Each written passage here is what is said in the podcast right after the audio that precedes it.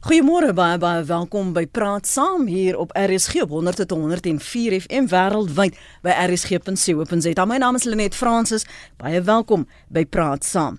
Tydens uh, Suid-Afrika se eerste demokratiese parlement in 1994 het die nuutverkose president Nelson Mandela tydens 'n beroep gedoen op wit Afrikaanse vroue wat tydens apartheid die posisie van beide verdrukker en onderdrukker bekleed het. Hy het Ingrid Jonker se gedig Die kind by sy inhuldiging gelees en verwys na die strewe van die bevryding van die vrou, die emansipasie van die man en die vryheid van die kind. So meer as twee dekades later is die vraag: Hoe het wit Afrikaans sprekende vroue gereageer op die bevrydende moontlikhede van grondwetlike demokrasie? En ek moet sommer vroeg vanoggend 'n vrywaring met jou deel. Weens die aard van die gesprek vanoggend verwys ons na kleur. Op praat saam kyk ons na die rol van wit vroue in ons demokrasie en vra is daar nou meer moontlikhede as voorheen.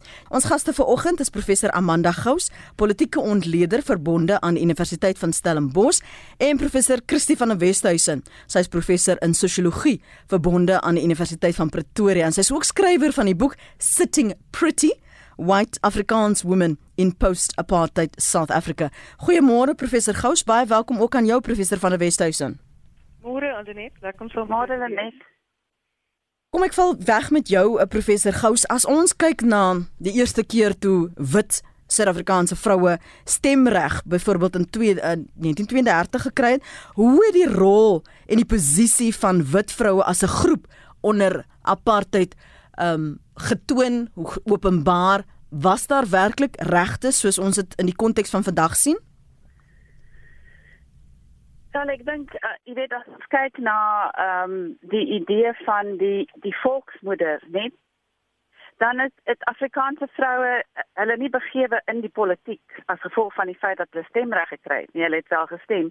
Maar in Afrikaner nasionalisme is uh, wit vrouens en spesifiek Afrikaner vrouens geposisioneer as as volksmoeders en ons het gesien dat die die generasie van ag die 40er, 50er, 60er jare. Meeste van die vrouens was tuisbeskeppers en en mense wat kinders versorg het.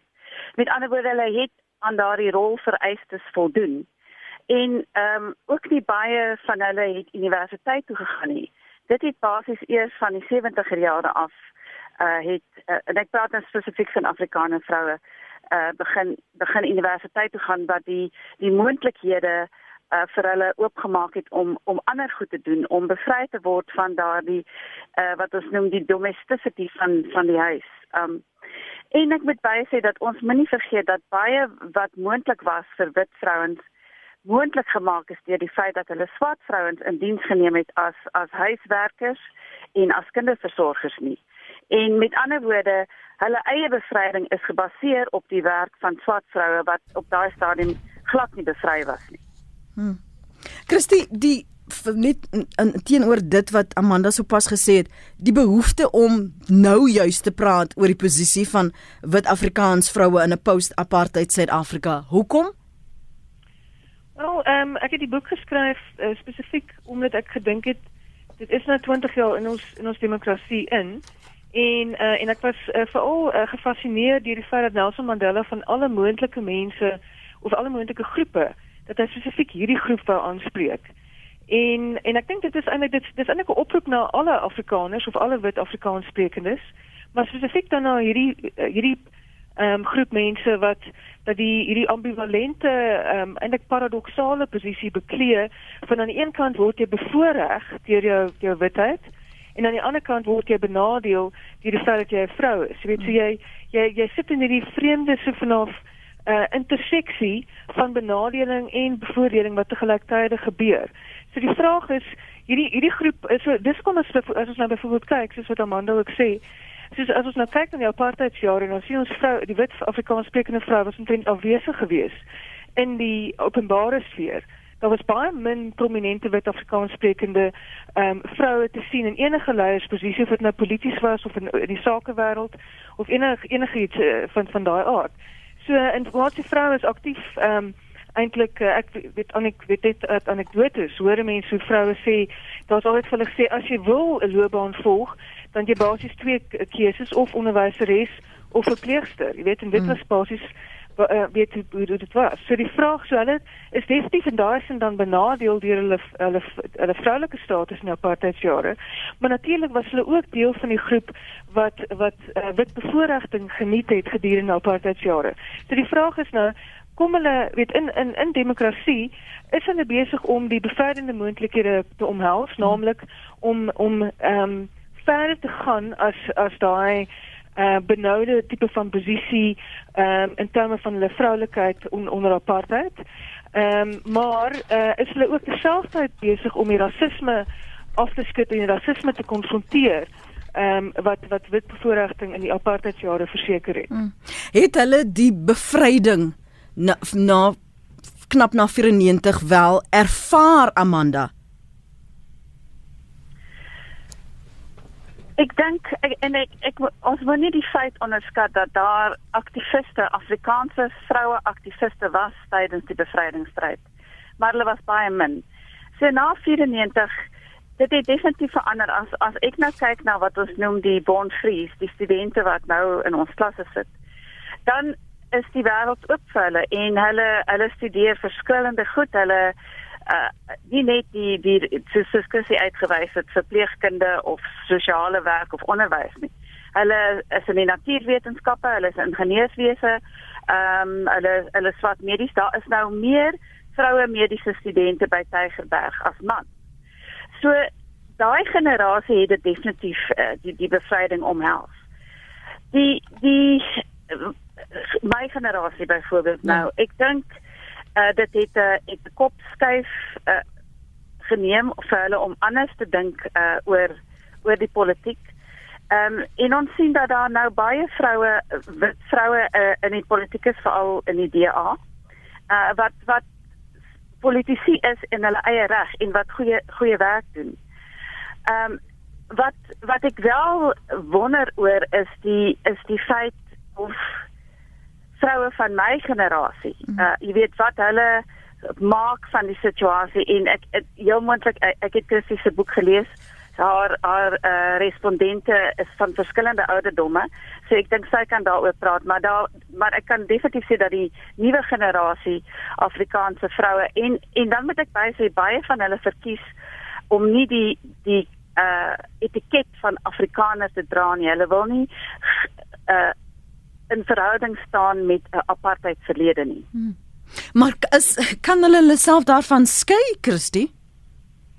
Oh, dis natuurlik die ding, soos jy maar sien, ek dit dit is 'n interessante ehm um, bevinding in die boek.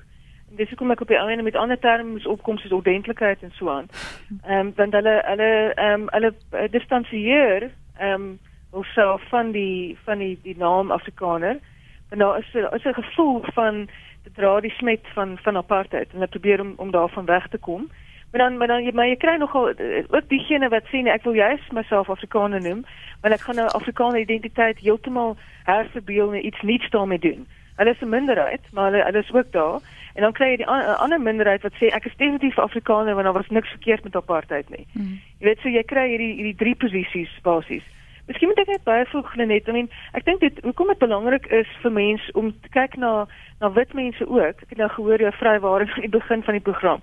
Hoekom dit belangrik is om te kyk na witheid ook, is omdat uh, witheid nog steeds in ons land as 'n soort van 'n sentrum van mag werk. Jy weet en daarmee bedoel ek dat dat witheid nog steeds kultureel en ekonomies gesproke ongelooflik baie mag uitoefen op alle menseverhoudinge in hierdie land en alle op alle sosiale verhoudinge. Hmm. En daarom is dit belangrik vir ons om te verstaan wat met witheid aangaan en ek dink dit is belangrik ook om om, om te onderskei tussen verskillende withede want ons het um, in hierdie land nou spesifiek hierdie twee settler klasse gehad. Um, dit is die die die die ongeluk wat wat hierdie land getref het. Dis dat daar twee settler klasse was wat in mededinging met mekaar opgetree het. So die wit Engelssprekendes en jy die wit Afrikaanssprekendes.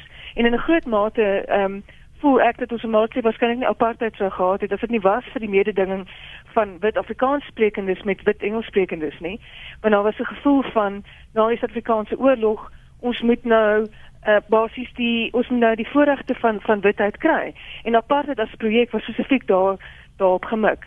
En die ander ding waarna ek kyk ook in die boek is heteronormativiteit wat baie belangrik is om ook na te kyk want dit is ook 'n sentrum van mag wat seksuele verhoudinge in ons land bepaal. Ons kan meer daar praat mm. en die ander kwessie is is middelklasse. So al my vroue in my boek is middelklas vroue, want ons kyk te min in in navorsing in Suid-Afrika aan die middelklas en wat met die middelklas aangaan, hoewel hulle natuurlik ongelooflik baie mag uitoefen in ons land.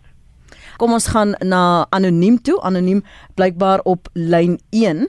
Kom ons uh, hoor van hom of haar. Ek weet nie of dit 'n hom of haar is nie. Praat saam, goeiemôre. Ag goeiemôre. Ag ek wil net net sê, hoe lank het dit gevat vir die tennis om ordentlike salarisse ag 'n uh, uh, uh, wengeld te kry as hulle op Wimbledon speel? En dan en dan ons ook, ons het ons het lank ons ons is nog steeds tipe van baie sleg af met ons salarisse. Ek meen ehm um, ag ag ou sussie, gaan soek vir jou 'n werkie dat jy vir ons 'n geldjie kan inbring. Verstaan? Ja. Dit is nie soek vir ons 'n werk soek vir jou werk dat jy kan vir ons tipe van 'n uh, inkomste bring nie. Dis uh, dis altyd iets van half ehm um, agteraf en en onderlangs en ons is nooit tipe ons is nooit eintlik ons is nooit eintlik gesien tipe van as as deel van die arbeidsmag nie. 'n Noemenswaardige bydrae. Ons moet ondersteun. Mm. Ooh ja. Ons moet net ondersteun en ons moet ondervangsdames wees. Ons moet ehm um, ons moet klerke wees ons kan nie dokters wees nie en as 'n man by 'n vroue dokter kom en jy sien hoe ek sy oë hou. ek hoop ek hoop dit nog het gebeur in hierdie dag en hierdie. Goed, dankie daarvoor. Professor Gous, kan ons praat oor hierdie persepsies van destyds en in hoeverre dit wel vandag nog geld, spesifiek dan met wit vroue. Sy praat van ondersteunend, ook die wyse waar op daar gepraat is van gaan kry vir jou 'n werkie sodat jy geldjie kan kry die verklein woord asof jy nie regtig 'n brein het om te kan dink en volsinne sal verstaan nie. Ja, ja ek dink dit is die die groot Skus tog Christel net so vas probleem. Ehm um, wat wat vrouens ervaar ehm um, na na wel wanneer hulle in die arbeidsmark of tot die arbeidsmark toetree. Ehm um, dat en spesifiek uitgewys het die benadeling gebeur op grond van geslag dan ehm um, daar's glasplafonne en daai glasplafonne is is omtrent nog steeds in elke werkplek. As jy gaan kyk na die navorsing wat gedoen word. Ehm um, dis baie moeilik vir vrouens om om hoofbestuursposisies, direkteursposisies of uh, CEO posisies te bereik. Ehm um, daar is maar 7% vroue in daai posisies in Suid-Afrika. So erns langs die pad kom jy tot, tot uh, voor 'n glasplafon te staan. En die probleem is dat die die versorging wat in die huis gedoen word word nie gereken as werk nie. So dit is hierdie goed gratis arbeid. Verskoning, gratis hmm. arbeid wat vroue doen wat ons dan sê gee vir hulle 'n double burden of 'n triple burden. Hulle moet werk in by die huis werk en hulle werk vir kleiner salarisse, minder byvoordele. Ehm um, en en dit is natuurlik die feit dat ons het nie As ons kyk na 94, ons het dit reg gekry om baie vroue in die politiek te kry. Ons het 42% vrouens in die parlement. Maar die die kondisies waaronder vroue werk en die feit dat hulle werk en ook by die huis werk, dit het nie vreeslik verander nie. Baie werkgewers gee nog steeds nie kindersorg nie. Baie werkgewers probeer om die hele kwessie van ehm um, kraamverlof te omseil op hmm. allerlei maniere.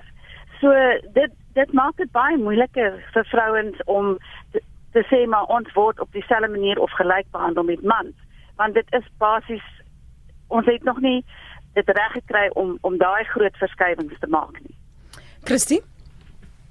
Ja, uh, kyk uh, uh, as mens kyk na die jongste statistieke vir diensvroue ehm um, gemiddeld 27% minder as mans in Suid-Afrika. Dis nou alle vroue. So dit wys vir dat daai daai betalingsgaping is nog steeds daar. En ek waardeer anoniem se se oproep ook net vanuit die oogpunt van daai idee van dat jy nooit eintlik jou plek vol staan in die arbeidsmark nie. Jy's dis eintlik maar altyd iets wat jy met jou linkerhand doen, want jou vernaamste rol is nog steeds binne die huis.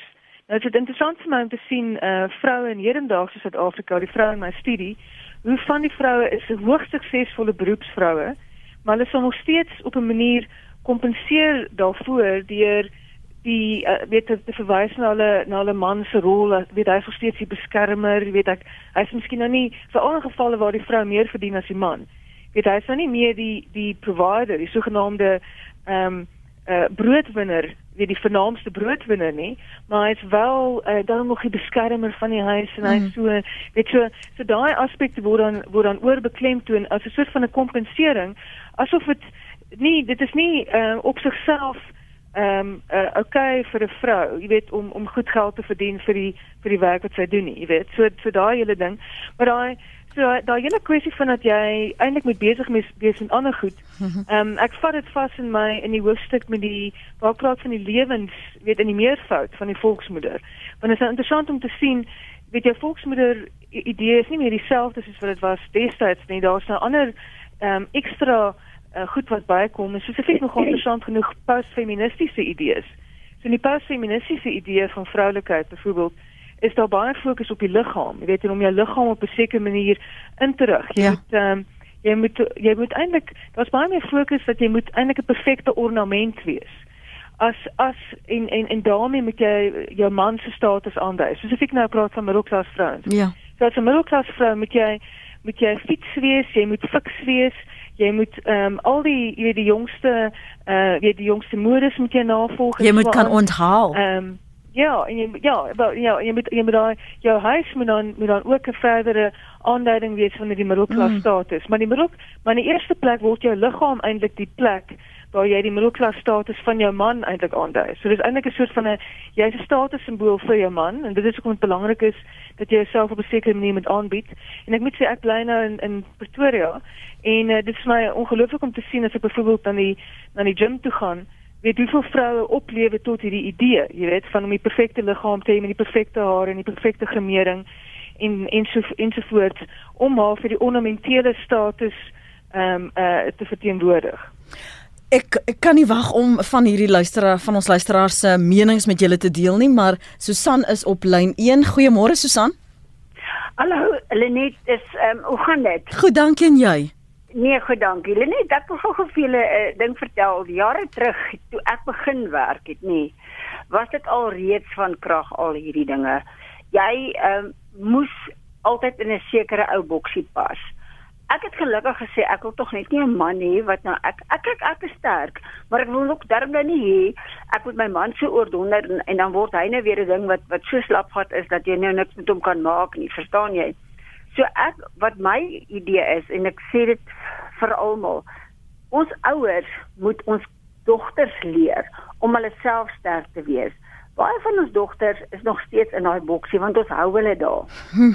Ek dink ek dink ons moet hulle 'n bietjie meer My net ek gesê kyk as jy jou jou gesig krem wil koop vir R500 en jy het nie geld vir brood nie, dan koop jy daai R500 se krem vir jou. Jou man moet dan maar kyk dat daai broodjie daar kom as hy dan nou wil hê jy moet in 'n boksie sit, verstaan jy?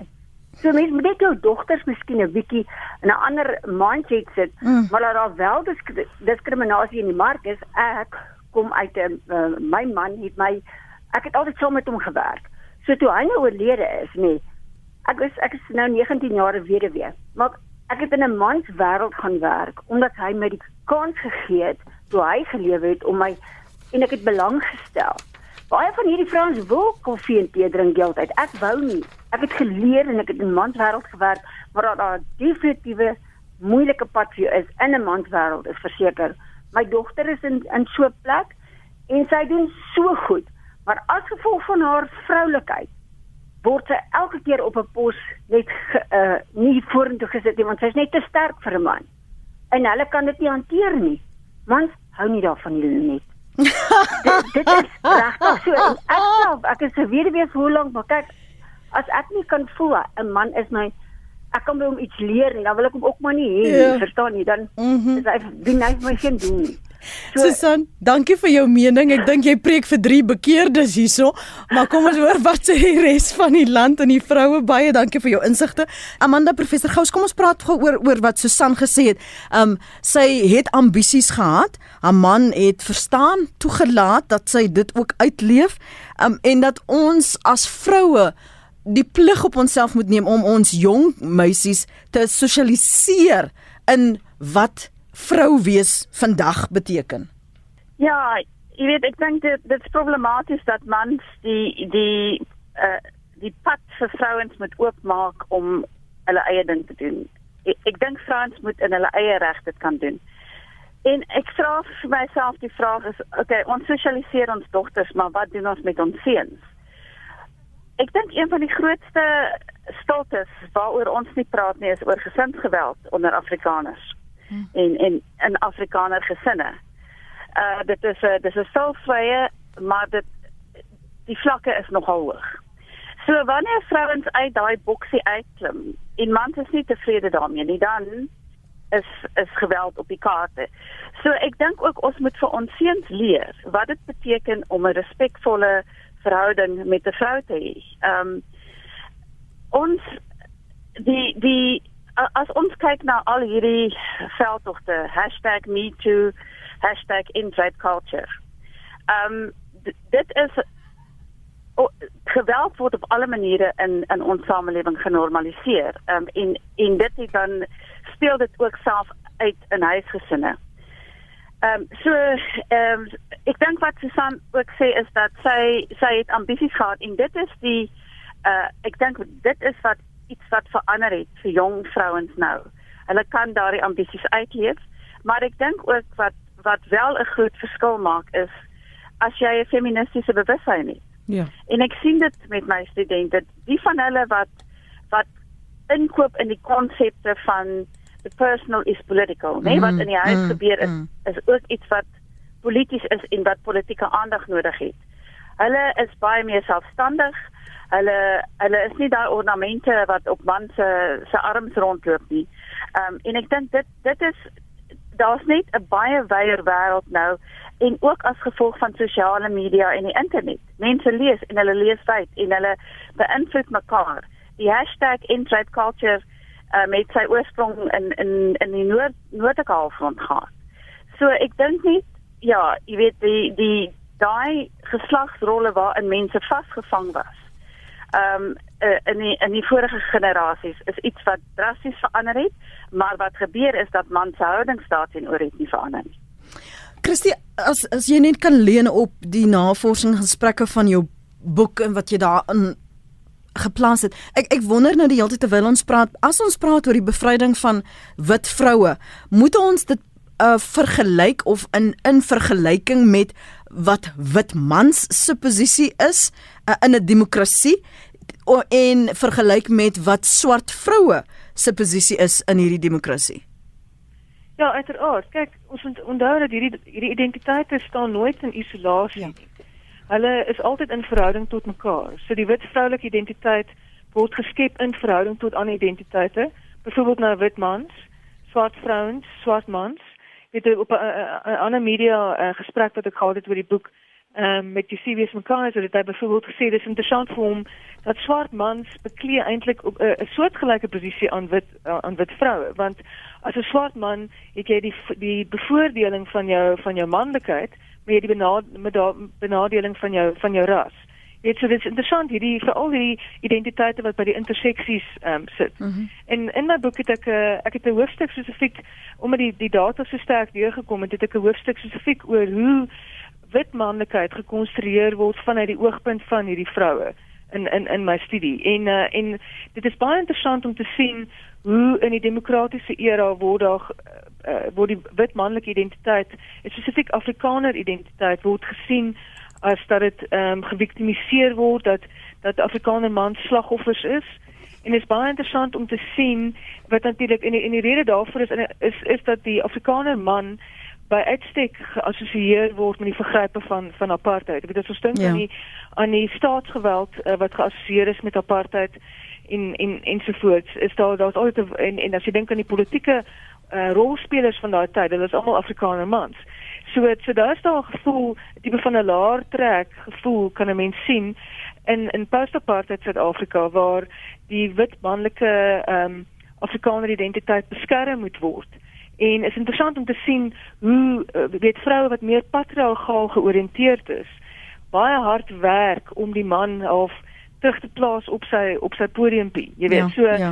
en dis daai hele ding van weet hou die kroon op sy kop, jy weet, en uh, hy moet die koning, die koning en die, ja. die priester van die huis wees.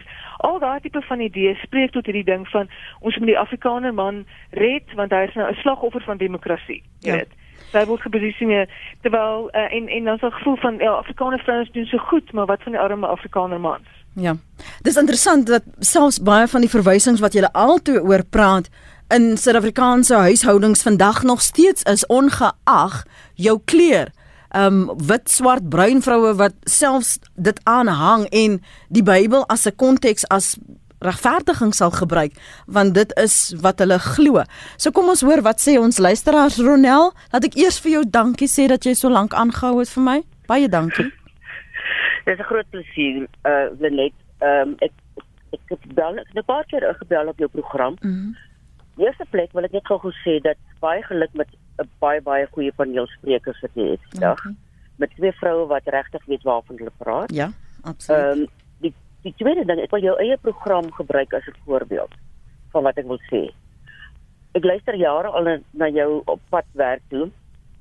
En dan dink ek vir myself, hoekom bel vroue nie in nie? Mm. Hoekom is dit altyd mans wat inbel? Mm. Al gaan dit oor vroue aangeleenthede baie keer. En en en dit wat ek wil sê daarmee is dat ons moet verantwoordelikheid vat vir onsself ook ehm um, en sê weet jy wat dis hoekom ek begin inbel het na jou program. Dankie. Sê maar omdat ek as vrou het ook 'n mening, het 'n baie sterk mening. Maar hoekom sou ek stil bly en my laat frustreer deur wat die mans op jou program sê? Sê liewer self dan ook iets. En dit wil ek hê en jy moet onthou ek is 'n vrou in my 50. Ek kom uit die sogenaamde apartheid. Ek is wonderlik aangepas aan die nuwe bedeling. Ehm um, en en ons moet dit vir onsself uh sê ons gaan onsself vat na 'n volgende level toe. En ek wil nie oor myself praat nie, maar ek het besluit 2 jaar terug ek gaan 'n meestersgraad doen op 50. En ek het dit binne 'n jaar gedoen. En dit het my ongelooflik baie uh gehelp om weer myself in die mark, jy weet, uh, aangepas te kry en en en ook om ander vrouens te help.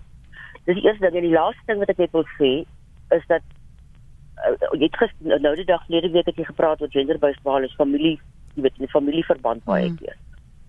En ek het saterdag het ek in 'n uh, uh, in die Kaap by 'n redelike weet 'n gemeenskap wat sterk is middelklas vroue gesê weet jy wat?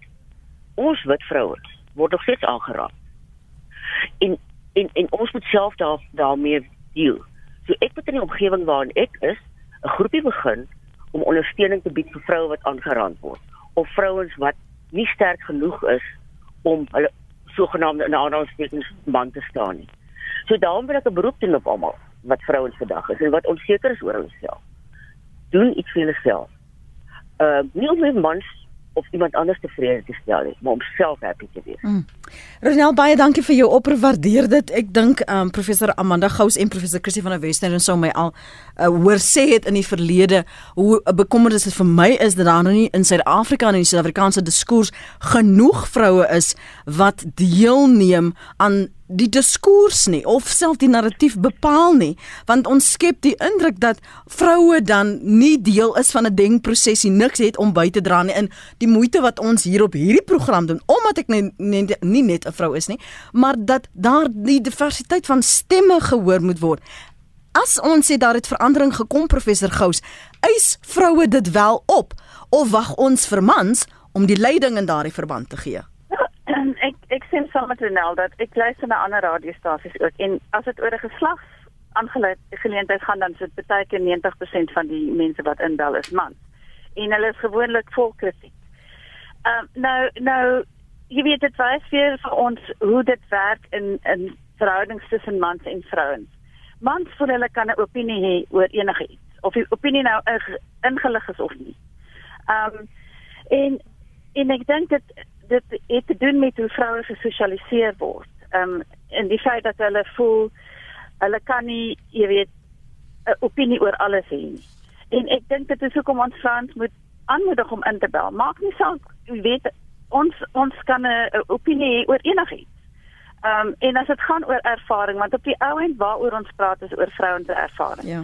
As dit gaan oor ervaring, dan is dit kan jy met groot gesag oor jou eie ervarings praat ek dink jy weet mans vrouens het eh, op op in hierdie stadium 24 jaar na demokrasie. Is daar baie vroue wat hulle man staan in die werkplek, ehm um, by die huis, maar ons hoor nie van hierdie ervarings nie. Ehm um, en ek dink as ons kyk na wat op die voorblaaie van ons koerante is, is dit altyd vrouens as slagoffers, né? Nee? Ja. Slagoffers van geweld, van moord, van allerlei sosiale probleme. So ek dink dit is ook nodig om te praat oor die die goeie goed, die die die feit dat vrouens ehm um, in 'n groot mate bevry is uh en en dat jy weet dat daar geleenthede is wat vrouens kan aangryp. Hmm. Ek lees gou vinnig iets wat jy wil byvoeg Christie voor ek ons luisteraars se menings lees en 'n uh, breek neem.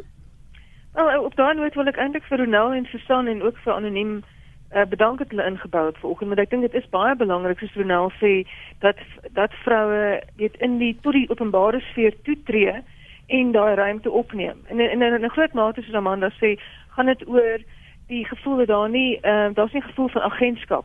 Mhm. Jy weet dat ek kan ek kan ek het my eie stem in die openbare sfeer en dit is in in in die die ironiese ding is natuurlik in die eerste helfte van die 20ste eeu het ons baie het ons vroue gehad wat polities baie meer aktief was uh, Afrikaner vrouens nou spesifiek as in die tweede helfte. Dit is hier die Suid-Afrikaanse Vroue Federasie die ACVV ensovoorts en ensovoorts, die nasionale vrouepartye het al die aktiewe Afrikaner vroue in die openbare sfeer gehad wat met water daar staan en met die mans en weet gevat het oor ons gaan praat in openbaar, ons gaan toesprake lewer, ons gaan aktief wees in Swan en en en dan sien ons na dit vrou die stemreg kry in 1930 hoe word hulle uh, politiek strategies in 'n half geüitmanivreer en ons sien hulle word self teruggestoot in die huis. So in die tweede helfte van die 20ste eeu het hulle minder van 'n stem as in die eerste helfte. Dit is een van daai ironieë.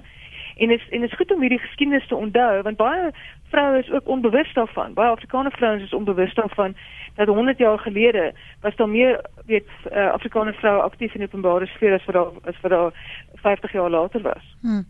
Een van die luisteraars skryf Sofia, sy sê ek dink wit vroue is baie minder sigbaar in die openbare sake wêreld alwaar jy nog regtig wit vroue sien is in die uitsaai wese op TV en op die radio, skryf Sofia. En nog 'n luisteraar sê sy's 80 jaar oud Erna, ek is baie dankbaar dat ek sowel 'n gesin as 'n professor uh, so uh, beroep kon hê. Die pryse was groot, maar 'n beloning groter. Nog een sê Waar is dit nou? As blanke Afrikaner man stem ek saam met die gaste se siening. Dit klink net of die verwysing nog steeds vandag al 100% volgehou word as jy nie besig om alle mans te oor vereenvoudig nie. 'n Ander een sê dankie vir en bravo vir Christie en Amanda. Uh bravo vir julle gesprek. As 'n man geniet julle my volle ondersteuning vir julle standpunte uh teks Johan Kreer. Um nog 'n paar as ek net so hier af wentel um waar sommige sê die dit sal verskriklik wees as 'n vrou se stem breek, waar kry 'n kuifkam, 'n das, 'n pak en klere dra en haarself nie meer mooi maak nie sê SP. Maar sien jy jy sit dit in vergelyking in relation to 'n SP met 'n man en dis nie wat die fokuspunt is nie. Volksmoeder was nie noodwendig bevryde en onderdrukker nie. Sy was ook moeder van die anderskleuriges, het hulle in ons armoede geklee, gevoed en geleer lees en skryf, sê Anna Engelbregt. Kom ek loer gou hier na www.rsg.co.za. Uh een sê uh Johan van Pretoria skryf ek sê Johan. Ehm um, jy's nie net 'n een nie. Ek werk by 'n baie groot instansie en 'n swart vrou in ons is ons departementshoof en ons geniet dit.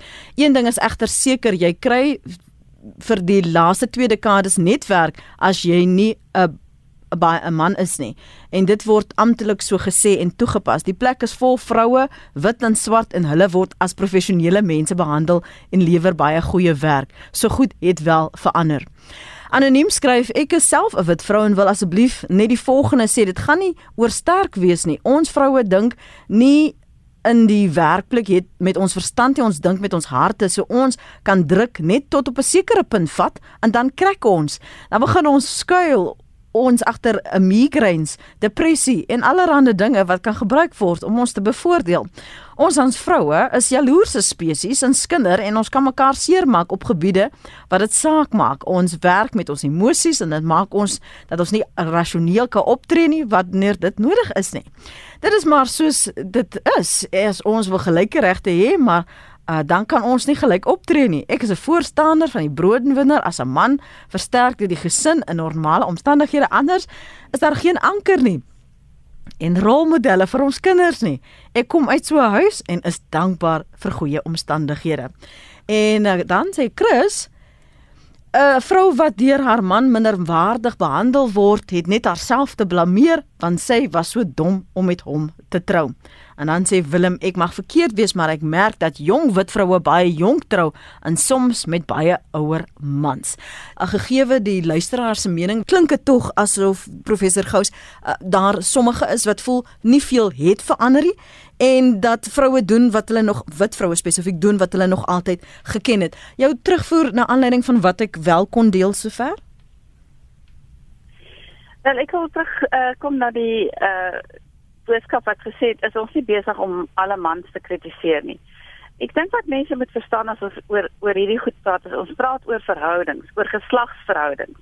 En dit dit gaan oor hoe in die algemeen opgetree word. Daar is altyd individue wat anders is en wat nie jy weet uh, vrouens sleg behandel of vrouens kritiseer ehm um, nie dis sal ding met met rasverhoudings. Nee, as as sê meeste mense tree op op 'n manier wat ons kan sien is rassisties, dan beteken dit nie dis dis almal nie. Ehm um, so so dit gaan oor verhoudings en hoe ongelykheid dit self uitspeel tussen mans en vrouens. En en dan wil ek sê oor die persoon wat gesê het wel, jy weet vrouens is emosioneel en irrasioneel en hulle as hulle nie die druk kan vat nie dan kry hulle migraine. Daar ons moet vir onsself afvra hoe versterk dit persepsies wat mans het? Die idees wat mans het van vrouens wat hulle is irrasioneel, hulle is hysteries, hulle kan nie druk vat nie en so aan.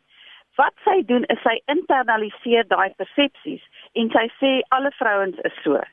En dit versterk die idees wat mans het oor vrouens. So dit is 'n patriargale tipe manier om te kyk na hoe daar na vrouens gekyk word. As ons mense vrouens 'n kans gee om in 'n sekere situasie te kyk hoekom is daar druk watter tipe strategieë gebruik mans om druk op vrouens te sit dit is die ding waarna gekyk moet word maar om te sê nou gaan ek eerder emosionaal emosioneel wees beteken mans kom weg met die strategieë wat hulle gebruik om druk op vrouens te sit. So dis 'n internalisering van van die hele persepsies wat mans van van vrouens het en ek dink dis hoogs problematies. Hmm. En so 'n laaste slop opmerking vir vanoggend want die gesprek het ons nog lank nie klaar gepraat nie. Maar Christie ek wil vir jou net die laaste woord gee so 2 2 minute. Ag, en eh, net ja, dankie. En ehm um, kyk uh, ek vind graag net 'n uh, kommentaar hier op Anna Engelbrecht ehm um, se opmerking. Kyk, daai ou volksmoeders het in, 'n groot mate hulle werk gerig op die opheffing van die sogenaamde arm blankes. En eh uh, weet uit uiteraard was daar ook ander weet uh, werk wat wat verrig is, maar maar weet in in in verhouding tot swart mense in die land. Maar dit was was daai werk baie meer vanuit 'n paternalistiese posisie gedoen en wat sy Anna ongelukkig klink Anna se SMS maar ook iets wat paternalisties, jy weet ehm um, die en en dit is baie jammer dat dat wit vroue byvoorbeeld nie uh, hulle lot in 'n in 'n groter mate ingegooi het by ander onderdrukte mense gedurende apartheid en kolonialisme nie en en eerder gekies het om om hulle self 'n wit man te verklaar en eerder die bevoordiging van van witheid te, te geniet jy weet so die weet jy ek dink dit is belangrik om dit te onthou maar ek moet ook sê dat ek dink daar's baie Afrikaner vroue en wit Afrikaans sprekende vroue wat vandag sê ek wil dinge anders doen. Ek wil op 'n ander manier omgaan met die mense om my wat baie meer selfreflekterend is in verhouding tot swart mense om hulle.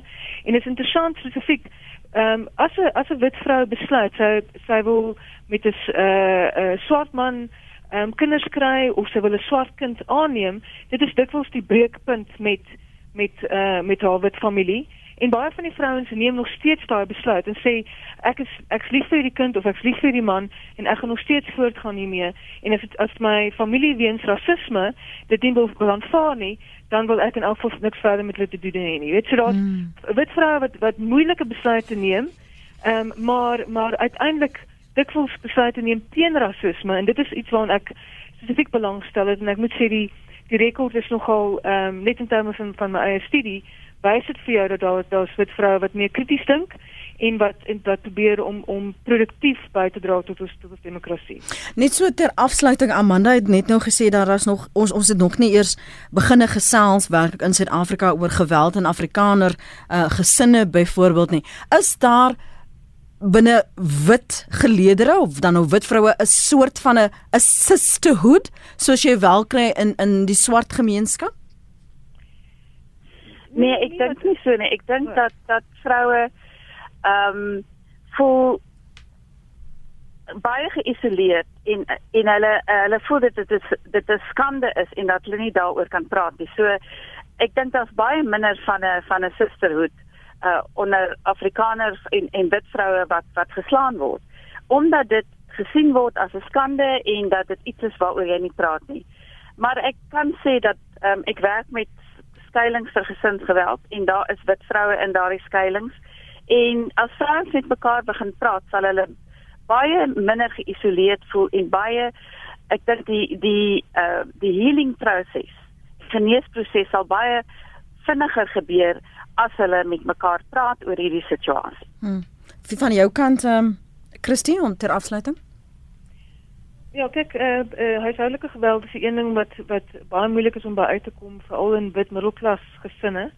En ek het in my eie studie gesien dat dit is dit is uh, weet dit is 'n bewaarde geheim basies. So ons moet eintlik in die in die verlede op jou program met ek al gesê net ons moet uh, dit is my interessant om te sien waar dit wel uitkom en dit kom uit in boeke soos uh, dis ek Anna en dit mm. kom uit in daai daai hofsaak van van 'n aantal jare gelede van Esme van Sail ensovoorts. Jy weet waar mense sien dat seksuele geweld en en geweld in die algemeen is is 'n groot probleem ook in wit huishoudings en daar's nie 'n spesifieke studie wat daai rasse ehm um, onderskeid tref nie en daarom is dit moeilik vir ons om 'n presiese persentasie daarin tot uh, te sit maar maar dat dit nie ehm um, dat dat dit dat dit 'n probleem is en dat dit spesifiek aangepak moet word en jy kan dit net jy kan dit sien uit uit meer uit anekdotes uit en dan uit ander ehm um, bronne, jy weet soos soos soos boeke en so aan. Ja. Is is is iets wat wat wat aangepak moet word. Maar weer eens, hier wil ons nie 'n sisterskap sien nou tussen wit vrouens nie. Weet ek ek stel glad nie daarin belang dat ons as wit vrouens nou eers op 'n eilandjie na die moet sit soos gedurende apartheid nie. Mm -hmm. Hierdie is 'n 'n sisterskap wat wat wit vroue en swart vroue met mekaar moet smee, want dit is iets wat ons almal deel. Ons ons deel die feit dat ons ehm um, spesifiek uh, slagoffers is van wat hulle noem ehm um, intieme weet geweld in intieme ja. verhoudings spesifiek. Ja. So wit vroue het daai selfde deel daai spesifieke probleem met swart vroue.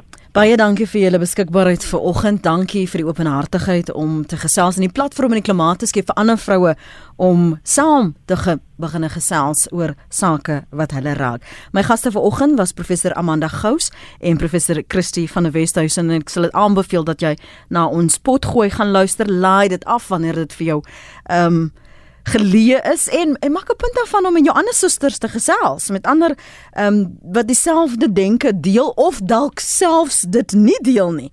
Maar begin die gesprek. Gebruik hierdie program as 'n platform om daardie gesprek te hê